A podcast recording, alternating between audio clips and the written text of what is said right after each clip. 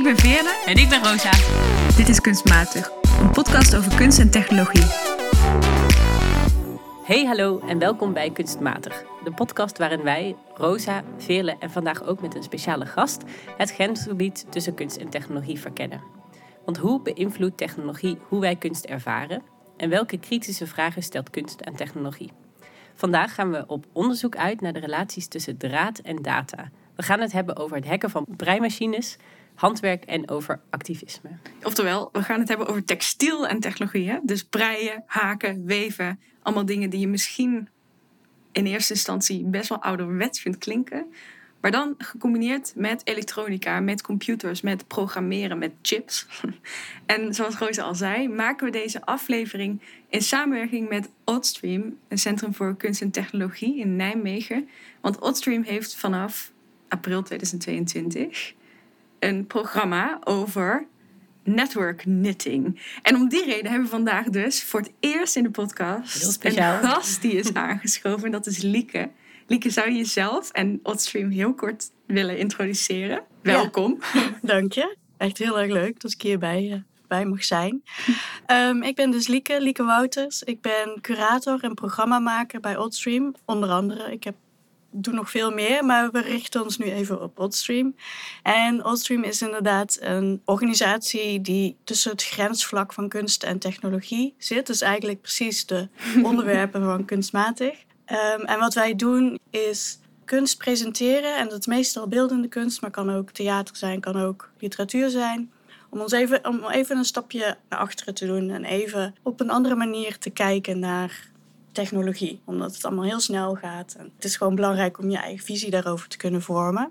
En dat doen we onder andere dus door workshops, waarin het maakproces dat stapje naar achteren is. Waaronder dus twee workshops in april, naar aanleiding van Network Knitting. En dat zijn twee workshops waarin breien en technologie gecombineerd worden.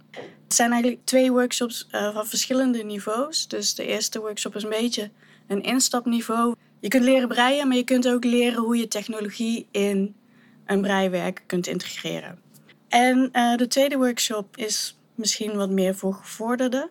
Knitting Technology heet die. En ik ga daar niks over zeggen. Daar ben ik ben betrokken. Uh, samen met een ontwerper, Michelle Vossen, gaan we een workshop geven. Knitting Technology gaan we dus aan de slag met eigenlijk het thema waar we het vandaag ook over gaan hebben. Namelijk breien, technologie, handwerk en technologie. We hebben allemaal hele specifieke vooroordelen over. En historisch gezien zijn die super interessant. En dan koppel ik hem zo weer terug naar, naar vandaag, naar de aflevering vandaag. Want waar we in die workshop zelf aan de slag gaan met welke stereotypes hebben we nou eigenlijk. Eh, door aan de slag te gaan met breimachines, met het coderen van patronen, met uh, het hacken van kleine circuitjes elektronische circuitjes die je in textiel kan uh, breien. Daar gaan we dus hands-on aan de slag. Gaan we het vandaag hebben over de vragen die daarachter liggen. Heel kort even. Wanneer je aan handwerk en technologie denkt, ik zeg het net al even, denk je misschien niet, oh, die hebben heel veel met elkaar te maken. Maar interessant genoeg, voor de jaren 80, heel klein kijkje in de geschiedenis, is het dus zo dat die allebei Zowel computertechnologie als dingen als breien en weven werden gezien als vrouwenwerk. Nou, van één, de, één van de twee vinden we dat nog steeds. Hè? Ik bedoel, ik ken niet heel veel mannen die zeggen: uh, haken is nou echt mijn hobby. Er zijn er heus wel hoor, maar er zijn heel erg stereotype beelden over. Terwijl computeren, dan denk ik aan mijn broertje.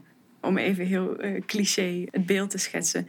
Maar vroeger werd computerwerk ook als vrouwenwerk gezien voor de soort commerciële revolutie in de computertechnologie in de jaren 80 was programmeren vrouwenwerk. Heel gedetailleerd, heel precies. Maar op een gegeven moment in de geschiedenis zijn die stereotypes geflipt. En dat is heel erg spannend. Want vrouwenwerk heeft heel veel ja, normatieve, heeft een soort normatieve lading. Hè? Dat is iets voor thuis, dat is niet zo serieus, dat is makkelijker. Uh, en als je in de kunstgeschiedenis kijkt, zie je dat ook. Dat textielkunst echt op een soort ander plan stond dan bijvoorbeeld de beeldende kunst, uh, de schilderkunst. Bij het Bauhaus, en dan denk je echt aan moderne kunst, hè, vooruitstrevend. Tenminste, dat denk ik dan. Maar in de jaren twintig in het Bauhaus mochten vrouwelijke makers alleen werken bij de textielwerkplaats. Om maar even aan te geven hoe erg daar ongelijkheid in verweven zit. En diezelfde ongelijkheid zat dus ook in computertechnologie, maar daar is een switch gekomen. En het spannende is dat er dus kunstenaars vandaag de dag juist dat soort aannames en dat soort stereotypes over technologie, over textiel met elkaar gaan husselen en in verband brengen. Om te kijken wat die werelden nou eigenlijk met elkaar gemeen hebben. Want ze hebben veel meer met elkaar gemeen dan dat je verwacht. Ja, en we zien dat veel van die projecten ook best wel een activistisch tintje hebben. Dat ze uh, vaak vormen van protest vormgeven. En dat ze ook vaak wel een feministisch commentaar vormen. En sowieso valt het me echt op. Misschien kwam het ook door de lockdown. Dat breien en haken en weven. Het is weer helemaal terug. Ja, uh, Veerle, ik kijk ook even jou aan. Ja, Veerle heeft uh, tijdens de lockdown het breien helemaal uh, ontdekt. Um, maar ook in de kunsten zie ik dat er de laatste tijd, en dat heeft denk ik, gaat denk ik ook samen met um, nou, de aandacht voor feminisme weer in de, in de kunst, dat er steeds meer aandacht is voor bijvoorbeeld tapijten, uh, wandkleden, uh, maar ook haakwerk, breien als een, een artistieke expressie. En eigenlijk zien we daar dat veel vrouwelijke artiesten of non-binaire artiesten die vormen van handwerk terug eisen en zeggen van ja, dit is heel lang onderdrukt, dat is niet serieus genomen als een vorm van kunst, maar wij doen dat nu wel en we gebruiken juist eigenlijk die vorm om ook een feministisch thema aan de kaak te stellen. Een van de kunstenaars die ik daar bijvoorbeeld heel interessant vind is Ottobonk Nkanga, een kunstenaar, zij maakt prachtige wandtapijten die eigenlijk heel politiek zijn. Dus die, uh, die thema's gaan we vandaag allemaal met elkaar verbinden. Dus activisme, feminisme, technologie en handwerk in de vorm van textiel en draad. Mag ik daar nog even iets aan toevoegen? Zeker. Textielkunst en feministische kunst is ook al langer natuurlijk een ding, vanaf de jaren zeventig. En wat je daar ziet, nou ja, grofweg heb je twee stromingen van feministische kunst, waarbij de ene juist dat zogenaamd vrouwelijke van uh, handwerk omarmde en juist inderdaad heel erg in dat handwerk gingen zitten en kunst daarmee gingen maken, terwijl een andere stroming juist daarvan weg wilde, want dat was vrouwelijk. En dat zie je dus nog steeds eigenlijk in het denken over textielkunst. Ik heb ooit wel eens een, een bijeenkomst bijgewoond waarin het ook heel erg ging van over is handwerk feministisch? Terwijl ik vond dat een hele bijzondere vraag van waarom kan dat niet feministisch zijn? Dus dat vind ik ook een heel interessant spanningsveld wat ook in de werken die we vandaag gaan bespreken naar voren komen. Dus we hebben een heel groot gebied met allerlei werelden die totaal anders lijken. Textiel en technologie. Tegelijkertijd vragen over feminisme, omdraaiingen in die velden. En daarom gaan we vandaag dus samen met Lieke met drie op onderzoek uit naar hoe kunstenaars schijnbaar ouderwetse vormen van handwerk verbinden met digitale technologie. En vooral ook hoe ze dus die verbindingen gebruiken, die combinatie gebruiken om nieuwe methodes van verzet te ontwikkelen. En heel bijzonder, het eerste item vandaag hebben niet Rosa of ik meegenomen, maar heeft Lieke meegenomen. dus uh, aan mij de eer. Wat heb je meegenomen? Ik heb meegenomen de Knitted Radio van Ebru Koerbak en Irene Porsche uit 2014. Het is een trui. Oké. Het is een zwart-witte trui, dus het heeft een ingebreid patroon. Dat betekent in dit geval dat je met twee kleuren afwisselt, afwisselend uh, breidt, dus zwart en wit. En op het eerste oog denk je, dit is gewoon een trui. Maar het is tegelijkertijd, uh, de titel zegt het al, een, een radio.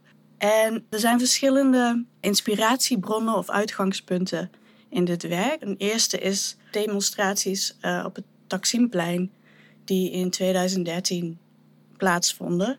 En uh, op Taksimplein mogen geen demonstraties zijn. Dus je bent al meteen verdacht als je met een groepje mensen daar op, op dat plein staat. En het is een inspiratiebron geweest omdat het beeld van het traangas uh, waarmee de demonstranten werden verjaagd, was voor de kunstenaars een, nou ja, geen mooi beeld, maar wel een interessant beeld. Want het, ze gingen toen heel erg nadenken over radiogolven.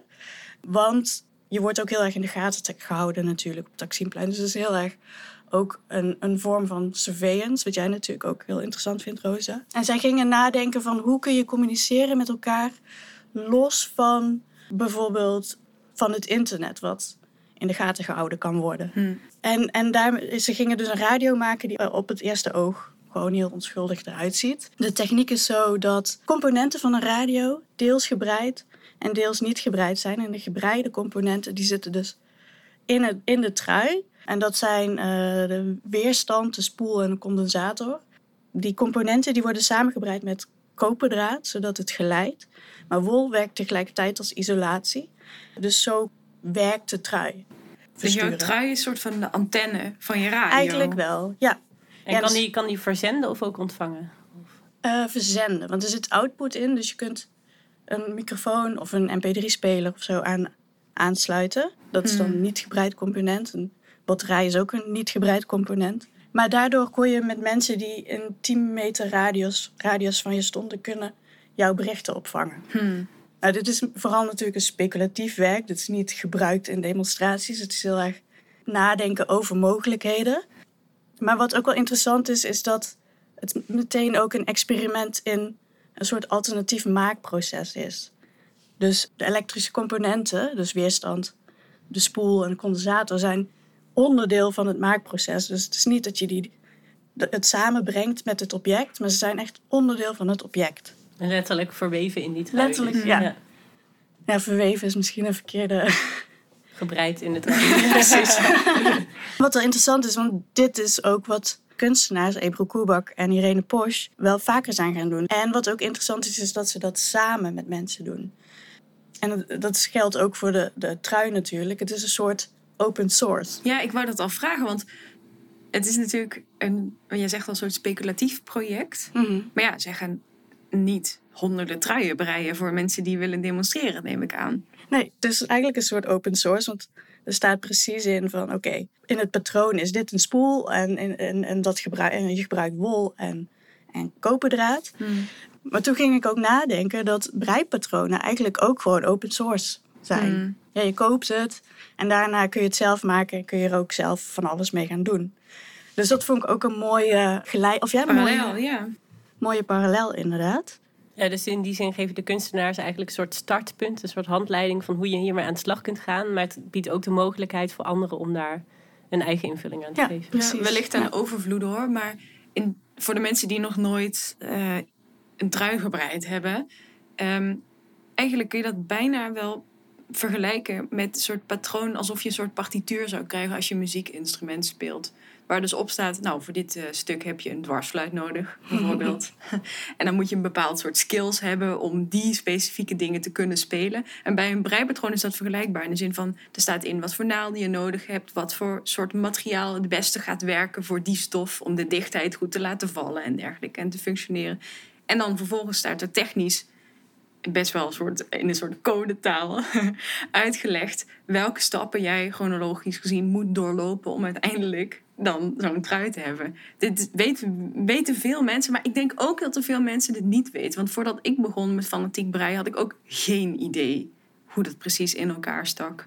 En wat ik spannend vind aan het project, en dat linkt ook al aan die surveillance-vraag die eraan vasthangt, is dat het heel duidelijk is dat de kunstenaars naar die specifieke situatie van dat specifieke plein met dat verbod hebben gekeken en dachten: oké, wat heb je nodig in een situatie van demonstratie om het voor jezelf veilig te kunnen maken? Wil je kunnen communiceren met de mensen met wie je gekomen bent?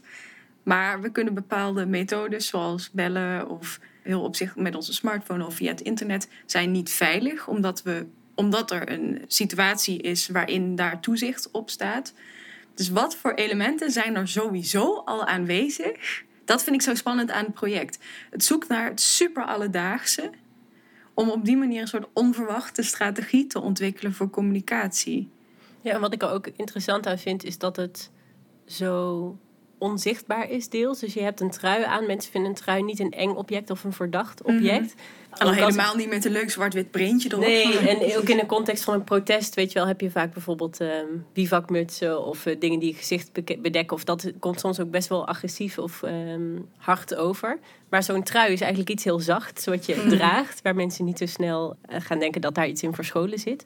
En op die manier draag je echt dat protest met je mee. Ja, wat dat betreft is het fijn dat die vooroordelen er zijn over hmm. zelfgebreide truien. Dus een vriend van mij zei ooit tegen mij van, oh ja, zo, ja, zo'n gebreide trui. Zo van iets wat je oma zou maken.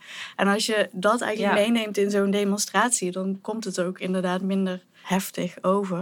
Ik vind het ook heel interessant dat je ziet natuurlijk in heel veel landen dat het internet uitgeschakeld wordt. In Myanmar en in India. En dus je kunt dan er niet eens een, een, een berichtje naar, naar je vriend sturen. Of nou ja, heel vaak is het ook zodat het buitenland niet weet wat, voor, Mhm. wat er precies gebeurt eh, in het land. En met zo'n radio, ja, het is natuurlijk een kleine radius, maar toch, om dan toch met elkaar in contact te blijven, is daarin dan wel ook heel interessant. Het idee is dus praktisch gezien dat je bijvoorbeeld een microfoon daaraan zou kunnen verbinden en eigenlijk een live verslag kunt doen van de demonstraties die op dat moment plaatsvinden. Ja, of andere mensen waarschuwen. Ja.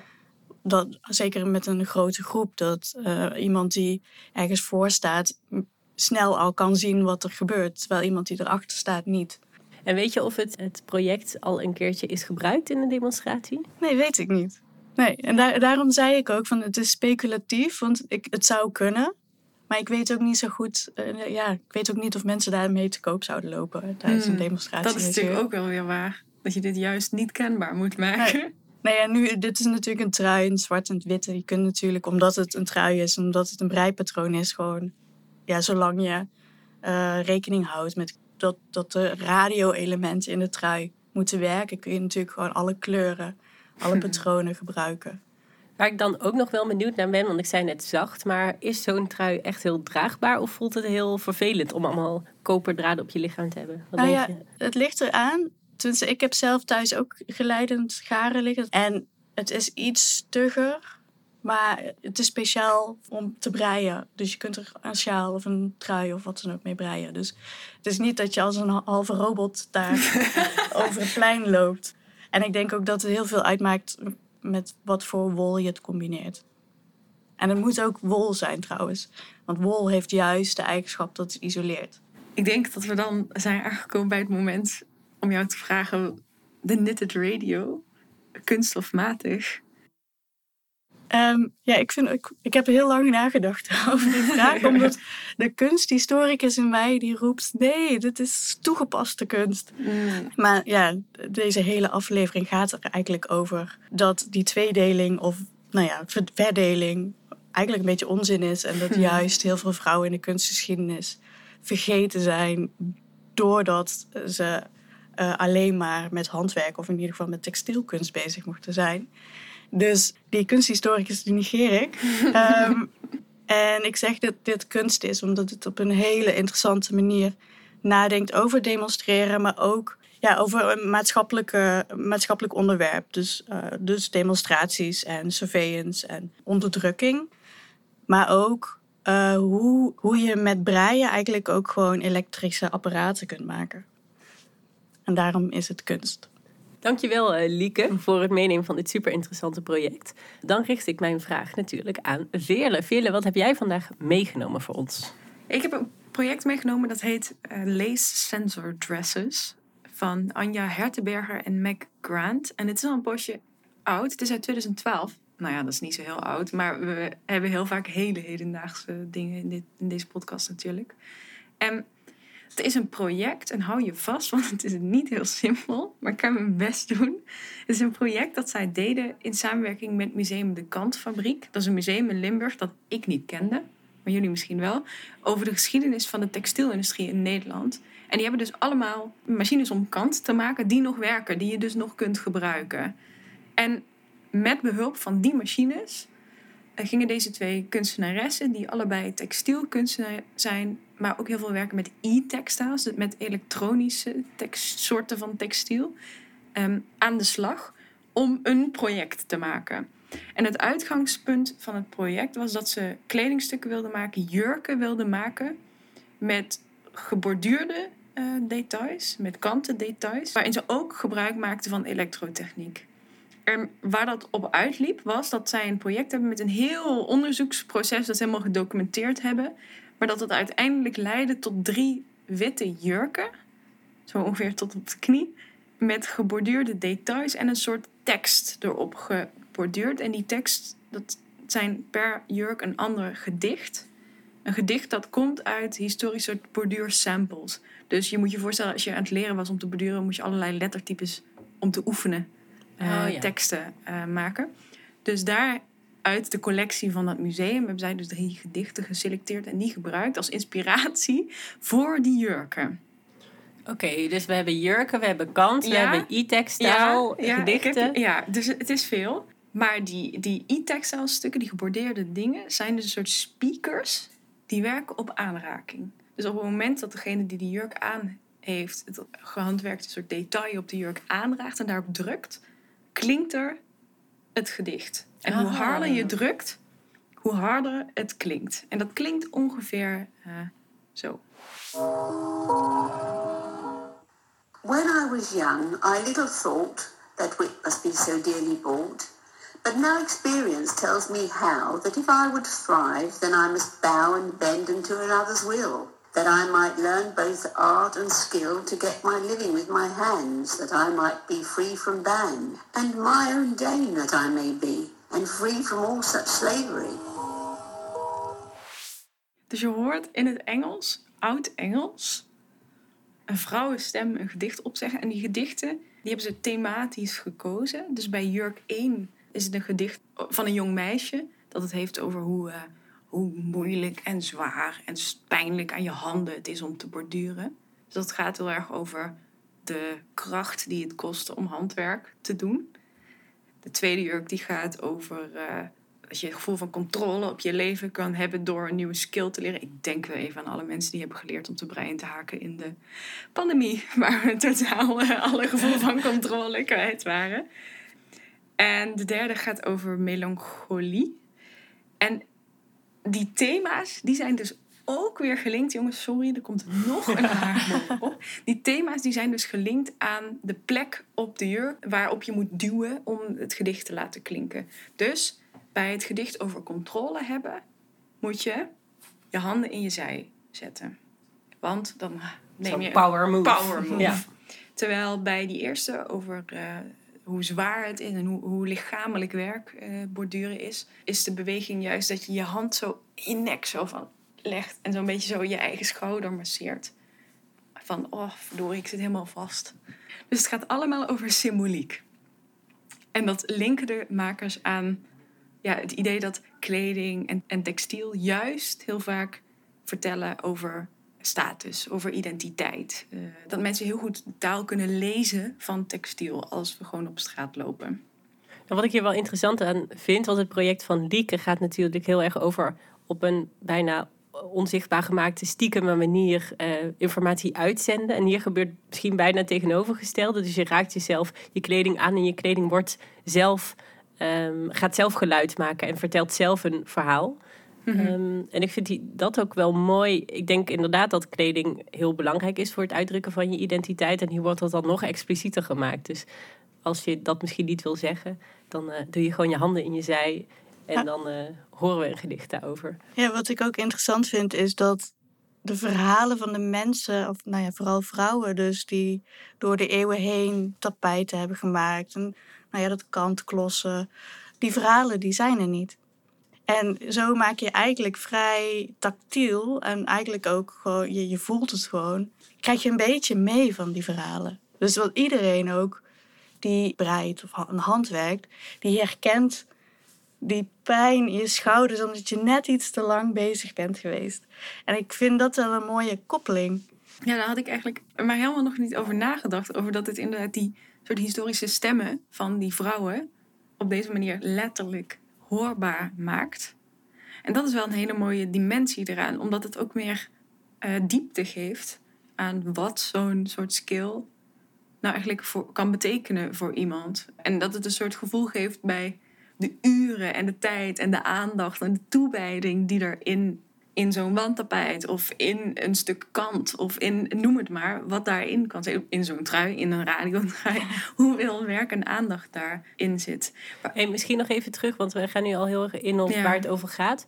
Ik vraag me ook af, je hebt het gezien of het is tentoongesteld in een museum. Mhm. Hoe stel je zo'n werk nou tentoon? Ja, nou ja, wat zij, tenminste wat ik heb gezien, want het was dus in 2012, dus ik heb dat niet nu gezien, is dat ze modellen hadden die de jurken droegen. En op die manier tentoongesteld worden. En die zijn dan ook fotografisch gedocumenteerd. En wat er ook is, is er dus er is heel veel proces. Dus dit is niet een soort techniek die bestond, maar die de kunstenaars samen hebben onderzocht. Om te kijken wat werkt nou, hoe kunnen we geborduurde elementen verenigen met, weet je wel, dat, ze hebben gewerkt met een Arduino Pro Eh, en die samen, dus bepaalde hardware echt verwerkt in die eh, jurken. Ze hebben, weet je wel, als je normaal een speaker hebt hè, thuis gewoon, dan zit er zo'n gaasje overheen hè, om het geluid te dempen en om de technologie als het ware te beschermen. Nou, dat hebben ze dus gehaakt. Maar daar moest onderzoek naar gedaan worden. Hoe dik moet dat zijn? Wil je het nog goed genoeg horen? Hoe kunnen we dat bevestigen op zo'n manier dat het niet in de knel komt met het e- elektrische circuit dat ervoor zorgt dat die speaker daadwerkelijk werkt. Dus dat is ook een heel proces dat je ook, ze hebben een website, kijk vooral in de show notes als je benieuwd bent hoe dat eruit ziet. Uh, waarop dat zoekproces ook hebben gedocumenteerd. Dus ik kan me heel goed voorstellen dat dat ook onderdeel was van wat ze dan tentoonstellen. Kanttekening is wel dat de jurken zelf zijn witte jurkjes, een soort ja, ik heb er gewoon hele sterke communie slash bruids eh, associaties bij. Zeg maar, ze zien er niet uit alsof het doel was om heel erg na te denken over de jurk zelf. Het jurk is meer een vehikel waarop ze konden experimenteren met die e-textiles, met die geborduurde elementen. Waarop ze een laag van betekenis toe konden voegen. Maar voor een project dat gaat over de symboliek van kleding, vind ik het bizar dat je niet. Die symboliek van witte jurken is voor mij zo sterk. Dat ik het heel frappant vind dat dat nergens aangekaart wordt. Of dat dat. Misschien is het een expliciete keuze. Maar mij lijkt het ook een soort toevallige keuze. Omdat het kanten in het wit gebeurde. En dus de stof ook in het wit werd gekozen. Ja, het lijkt meer alsof het kledingstuk dan als een soort canvas is gebruikt. Exact. Dus ook letterlijk een wit canvas exact. waarop dan allerlei betekenis wordt uh, ge, ge, exact. gemonteerd. En in zekere zin snap ik dat wel, maar precies wat ik zeg. Als het over symboliek van kleding gaat, dan denk ik, ja, die symboliek zit mij dus echt in de, in de weg bij het ervaren van het werk. Ja, en juist als je met kleding werkt, is het liggen er zoveel mogelijkheden om dan visueel gezien en natuurlijk ook van alles mee te doen. Dus het klinkt ook wel als een project wat heel goed verder ontwikkeld zou kunnen worden in een wat meer spannendere visuele vorm ook. En ik denk ook dat we niet moeten vergeten dat dit werk dus tien jaar oud is. En ik denk ook in de afgelopen tien jaar wat er al verder is gemaakt aan e-textiles. En dat, dat zorgt misschien ook voor dat het echt inderdaad zo'n soort canvas is. Terwijl nu misschien kunstenaars of andere makers juist daar ook naar kijken. Dit werk is tentoongesteld in een museum wat helemaal gaat over textiel en ook de geschiedenis daarvan vertelde je. Um, had je, heb je nou ook het idee dat zo'n werk je anders laat kijken naar de andere werken in dat museum? Of dat het misschien een interessante ingang biedt om daar op een, met een nieuwe blik naar te kijken? Ja, dat, dat vind ik wel. Ik, wat ik boeiend vind is dat enerzijds het werk dus uh, veel beter invoelbaar maakt. Wat voor verhalen er achter zo'n uh, museum met allerlei machines. Wat, wat, voor verhalen daarachter zitten, wat voor geschiedenis daarachter zit, om dat heel concreet te maken. Aan, ik bedoel, het zijn maar drie kleine verhaaltjes, klein, kleine gedichten. Maar het zijn wel, ze hebben duidelijk dat ze gezocht hebben naar herkenbare, precies wat jij zegt. Ik denk, oh, ik zit met mijn pols, ik heb veel te lang doorgebreid of doorgewerkt. Ehm, iets wat je trouwens ook van je computer krijgt. maar goed. Um, uh, om dat op zo'n manier inleefbaar te maken dat dat op een andere manier een laag toevoegt aan zo'n uh, historisch museum. Dus dat enerzijds. Maar wat ik denk ik vooral sympathiek vind aan het project en waarom ik ook besloot om het mee te nemen, is dat het zo experimenteel is. Dat het zo zocht naar uh, we hebben hier al deze technologieën, want in principe zo'n kantklosmachine is ook hartstikke technologisch natuurlijk. Maar hoe kunnen we die technologie van toen verbinden aan het soort elektrotechniek waar wij als kunstenaars, die twee kunstenaars, in onze praktijk mee werken? Hoe kunnen we die geschiedenis verbinden op een zinvolle manier aan het soort technieken dat we vandaag de dag hebben? En het feit dat zij soort van daarmee geëxperimenteerd hebben en dat gedocumenteerd hebben en daar blogposts over geschreven hebben en laten, ook laten zien wat er dan niet werkt en waar blijkt dat echt specifiek de materialiteit van het een en van het ander niet matcht uh, en dus botst en dan waardoor het niet meer werkt of waardoor het er niet uitziet of weet je wel. Dat ze dat hebben gedocumenteerd, dat vind ik wel heel veelzeggend en vind ik ook interessant in de context van zo'n historisch museum, want daarmee wordt het mogelijk om ook ja, de toekomst in te kijken en dat maken heel erg centraal te stellen. Dat vind ik wel bijzonder aan het project. Dat doet me ook meer een beetje denken aan die vraag die jij, Lieke, net eh, opbracht van die open source. Ehm, door zo'n proces heel inzichtelijk te maken en heel duidelijk te zijn over welke stappen je neemt, maar ook welke fouten je maakt of wat niet lukt en wat wel werkt, geef je anderen ook weer de mogelijkheid om wat bij te leren. Dus dat vind ik uh, ja, een mooie ontwikkeling om te zien. Ik denk dat het tijd wordt om te vragen aan jou, Veerle. Uh, vind je dit kunst of matig? Um, ik vind het dus best wel een moeilijke. Ik denk toch dat ik neig naar kunst. Ook al heb ik er uh, visueel gezien, als ik de jurk en de uitkomst van het project als object zou tegenkomen in een museum, zou ik daar best wel wat bedenkingen bij hebben. Vooral als ik daar een verhaal over symboliek van kleding en textiel bij lees. Dan denk ik, goh, hoe, in hoeverre is er nou daadwerkelijk kritisch hè, nagedacht over wat zo'n kledingstuk en wat vrouwelijke kledingstukken, zoals een witte jurk, uh, nou ja, wel niet symboliseren. Er had mee gespeeld kunnen worden. Dat had juist op scherp gezet kunnen worden. Of juist bevraagd kunnen worden. Maar dat gebeurt niet in het project. Verder zit er heel veel in. Er zijn heel veel lagen. En dat zorgt ervoor dat je er wel over blijft lezen. En telkens een nieuw perspectief ziet. En ook nieuwe perspectieven toevoegt. En dat is heel mooi. Tegelijkertijd denk ik, het project was misschien ook al mooi geweest als experimentele zoektocht. Zonder dat het uh, soort draagbare jurken had op hoeven leveren in het eindstadium. En ik kies dan toch uiteindelijk voor kunst, omdat ik zou willen dat het in meer kunstvormen meer de norm zou zijn. Dat we open zijn over het zoeken, over het experimenteren, over het falen dat bij elke maakpraktijk voorkomt. En op de een of andere manier is er in deze wereld dus ruimte om dat te laten zien. Misschien omdat het lange tijd niet serieus is genomen als kunst of weggeschoven wordt als maar toegepaste kunst, is er dus juist ruimte om open source te werken, om je proces te delen, om te laten zien wat er wel en niet lukt. En dat vind ik super waardevol en super vruchtbaar. En iets wat mij betreft, dat wat mij betreft, zou mogen verspreiden naar heel veel andere kunstvormen, waar we nog vaak heel gesloten nadenken over het maakproces. Wat ik uh, ook wel interessant vind bij beide projecten en bij handwerk in het algemeen, is dat je het uit elkaar kunt halen. Hm. Dus uh, zeker, ja, de, dus je kunt het uit elkaar halen en opnieuw beginnen. Hm. Wat je bij andere kunstvormen iets minder makkelijk doet. Zelf, bijvoorbeeld bij die knitted radio, ja, zeker als je nadenkt over een breiwerk als een elektronisch apparaat, dat kun je steeds vernieuwen. Dat kun je uit elkaar halen en weer opnieuw beginnen. En als je kijkt naar elektronische apparaten van nu, dan worden ze eerder weggegooid dan dat ze uh, Hmm. aangepast worden. Nou, Ja. wat dat betreft klinkt het alsof misschien de kunstenaars eh, moeten nadenken over een update van dit werk al in 2022. Dat lijkt me een goed idee.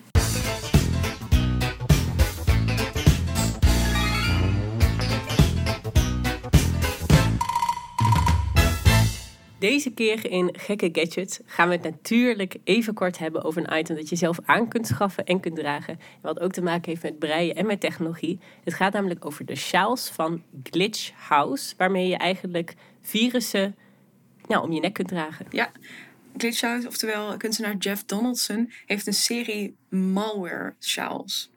En dat zijn de sjaals die hij maakt op basis van de code van vintage virussen.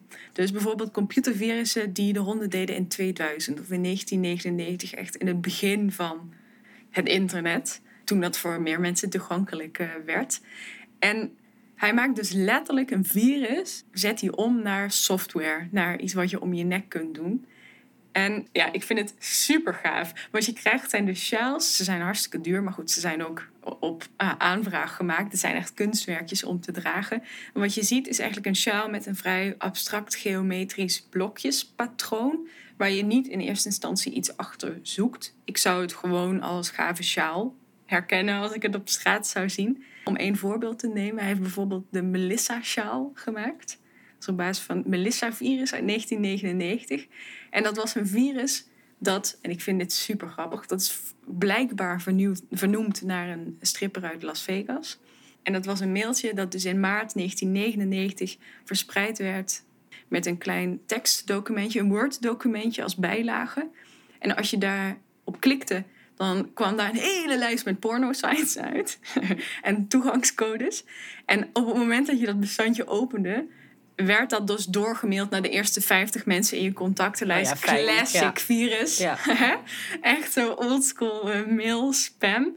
En het veroorzaakte dan problemen en een onveilige situatie in Word en in Outlook. In die twee eh, programma's. De maker is trouwens ook gepakt en heeft in de cel gezeten en zo.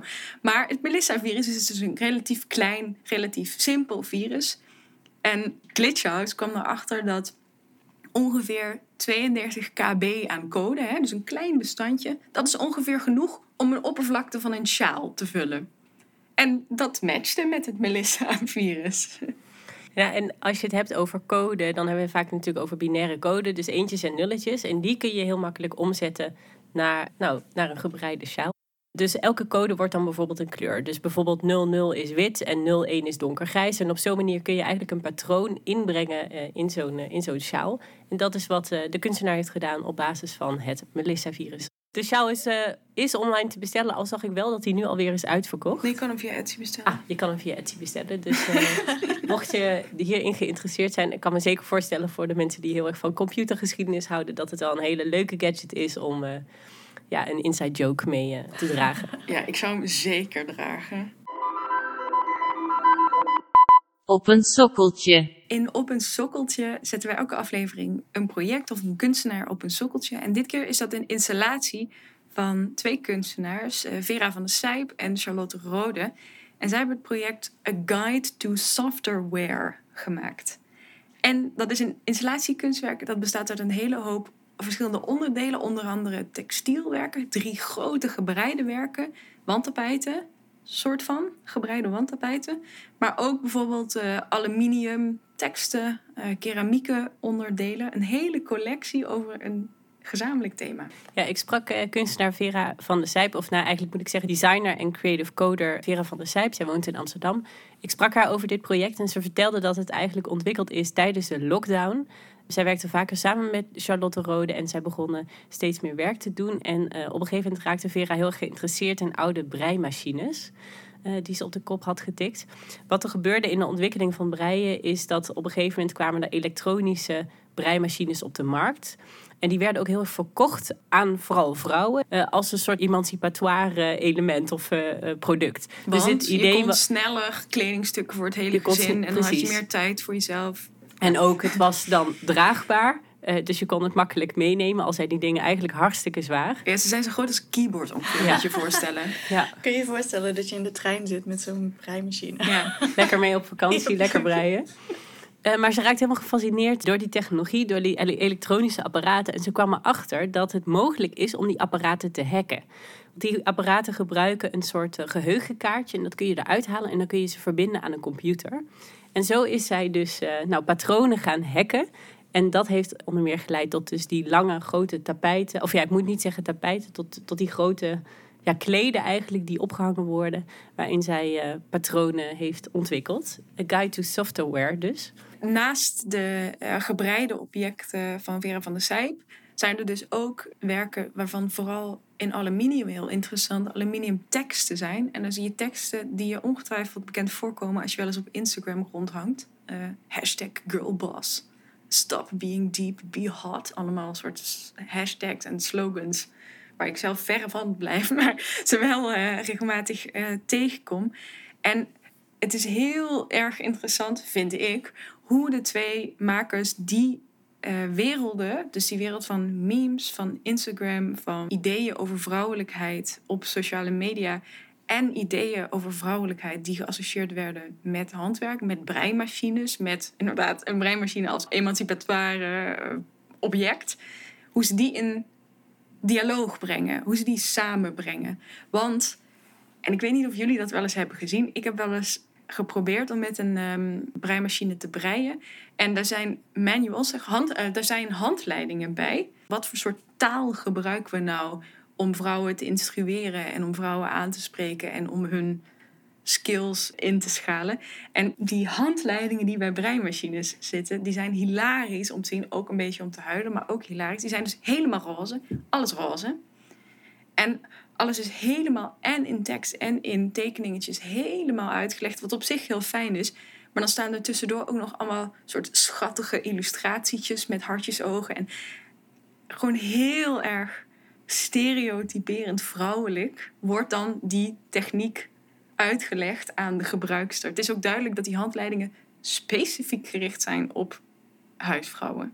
Ja, en afgezien nog van die vormgeving en alles daaromheen, merk je ook heel erg dat die taal heel erg gericht is op doe dit, doe dat. Hè? Echt een handleiding. Maar niet zozeer op begrijpen hoe die technologie nou in elkaar zit. eh, zodat je het ook zelf zou kunnen repareren als het bijvoorbeeld kapot gaat. Exact. En dat is iets waar ehm, de kunstenaars in dit project eigenlijk een commentaar op wilden geven.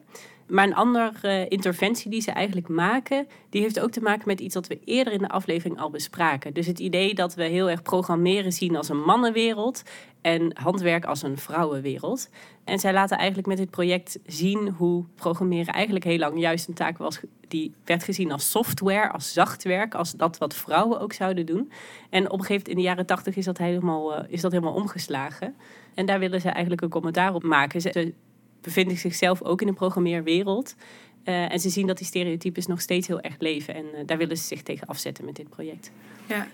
Taal wordt op verschillende manieren benaderd. Dus je hebt de programmeertaal, je hebt die hashtags, maar ook dus die, die handleidingen. Die, en zoals ik het begrijp, spelen ze dus heel erg met, met de associaties die bij die talen horen. Inderdaad. Maar als ze iets laten zien door ook de geschiedenis hierin mee te nemen van die twee domeinen, is dat die ideeën die wij hebben over vrouwelijkheid, over mannelijkheid, sowieso een sociaal construct zijn. Die dus veranderen. Maar die dus ook erin kunnen sluipen, zodat het lijkt alsof ze vaststaan. En pas als we dan weer even achteruit doen, een stapje achteruit doen of even achterom kijken, zien we, oh, 30, nee, 40 jaar geleden dachten we hier nog heel anders over. Ja, en ik denk dat dat terugkijken naar de geschiedenis, die patronen daarin uh, uh, begrijpen en inzien, dat dat ons heel erg kan helpen ook in ja, weer anders nadenken over de toekomst. Vrouwen waren de eerste computers, dus waarom zouden ze nou niks met computers kunnen doen? Dat is natuurlijk totale onzin. Dus ik denk dat het project daar een mooi uh, inkijkje in geeft. En dat ook in de vorm van software, dus weer zachte materialen, om dat uh, ook aan de kaak te stellen. Dus, als we nou even terugdenken, hoe verbinden kunstenaars handwerk aan technologie, aan digitale technologie, en hoe gebruiken ze dat ook als soort methode van verzet om die twee te combineren? Denk ik dat we best wel veel een soort spectrum aan projecten hebben gezien. Dus aan de ene kant heel concreet, handwerk juist omdat niemand aan een gebreide trui denkt als ze aan demonstranten denken. Dat juist gebruiken om onder de radar een manier te kunnen vinden om te communiceren tijdens een demonstratie die verboden is. Terwijl in andere projecten is het meer een soort sociale kritiek, denk ik niet zozeer echt een methode van verzet tijdens een demonstratie of politiek gezien, maar meer het bevragen van waarom denken wij nou eigenlijk op zo'n manier over textiel? Of waarom denken we dat vrouwen niks met computers kunnen? Wat totale onzin is. Ja, en ook het inbreken met nieuwe manieren van programmeren en coderen en hacken in wat oudere technologieën. En daarmee ook juist die breimachines die ontwikkeld waren om vrouwen misschien wel klein te houden, uh, juist zeggen van nou, we gaan dat op een andere manier doen. We gaan dat coderen, we gaan dat hacken en daarmee een commentaar uh, creëren. Ja, ik denk alle, alle werken die we hebben besproken gaat gewoon heel erg over genderstereotypes. Nou ja, allemaal verspelen ze met verwachtingspatronen eigenlijk. Inderdaad. Stel, je wil hier nog veel meer over weten. En vooral, je bent nu nieuwsgierig geworden om zelf eens met een breimachine aan de slag te gaan. Of zelf te leren wat het betekent om met geleidende materialen te werken. En zelf geconfronteerd te worden met de bepaalde stereotypes en verwachtingen die jij nog met je meedraagt. Want laten we wel wezen, hebben we allemaal. Ik weet niet, Roos, denk jij dat je zou kunnen breien? ik denk dat ik het wel zou kunnen. Maar ik denk ook dat ik er heel um, gefrustreerd van ga. Ja. Kijk, daar gaan we ja. al. Dus jij zou in principe een perfecte kandidaat zijn om, om aannames daarover te testen. Nou, als je, dat, als je daar nou interesse in hebt, dan willen we je vragen om zeker een kijkje te nemen op de website van Oddstream, oddstream.nl, om te kijken of jij in april niet deel wil nemen. Hey en Lieke, als uh, mensen nou wat meer willen weten nog over deze programma's of wat Oddstream allemaal ontwikkelt, waar kunnen ze jullie dan volgen? We hebben ook een Instagram pagina, die is het beste om te volgen volgens mij is het gewoon at Oddstream. Maar als je Oddstream zoekt, dan kom je er wel. Ja, en anders kun je ze natuurlijk ook heel makkelijk vinden via het Kunstmatig de Podcast op Instagram. Of op onze website www.kunstmatigdepodcast.nl. En in de show notes van deze aflevering natuurlijk. Daar moet je sowieso heen als je meer wil weten over een van de projecten. Of je wil inschrijven voor een van de workshops. En doe dat, want het wordt hartstikke gaaf. En eh, ik denk dat het dan tijd wordt om jou heel erg te bedanken, Lieke. Ik vond het super leuk dat je vandaag bent Ik aangesloten. vond het echt heel Ik leuk. Ja. En eh, dat je je inzichten met ons hebt willen delen. Dus heel veel dank voor het aansluiten in onze studio. Of nou ja, in Veles kantoor in ieder geval. En eh, voor de luisteraar, we hopen je volgende keer weer terug te horen. Tot dan! Doei! Doei.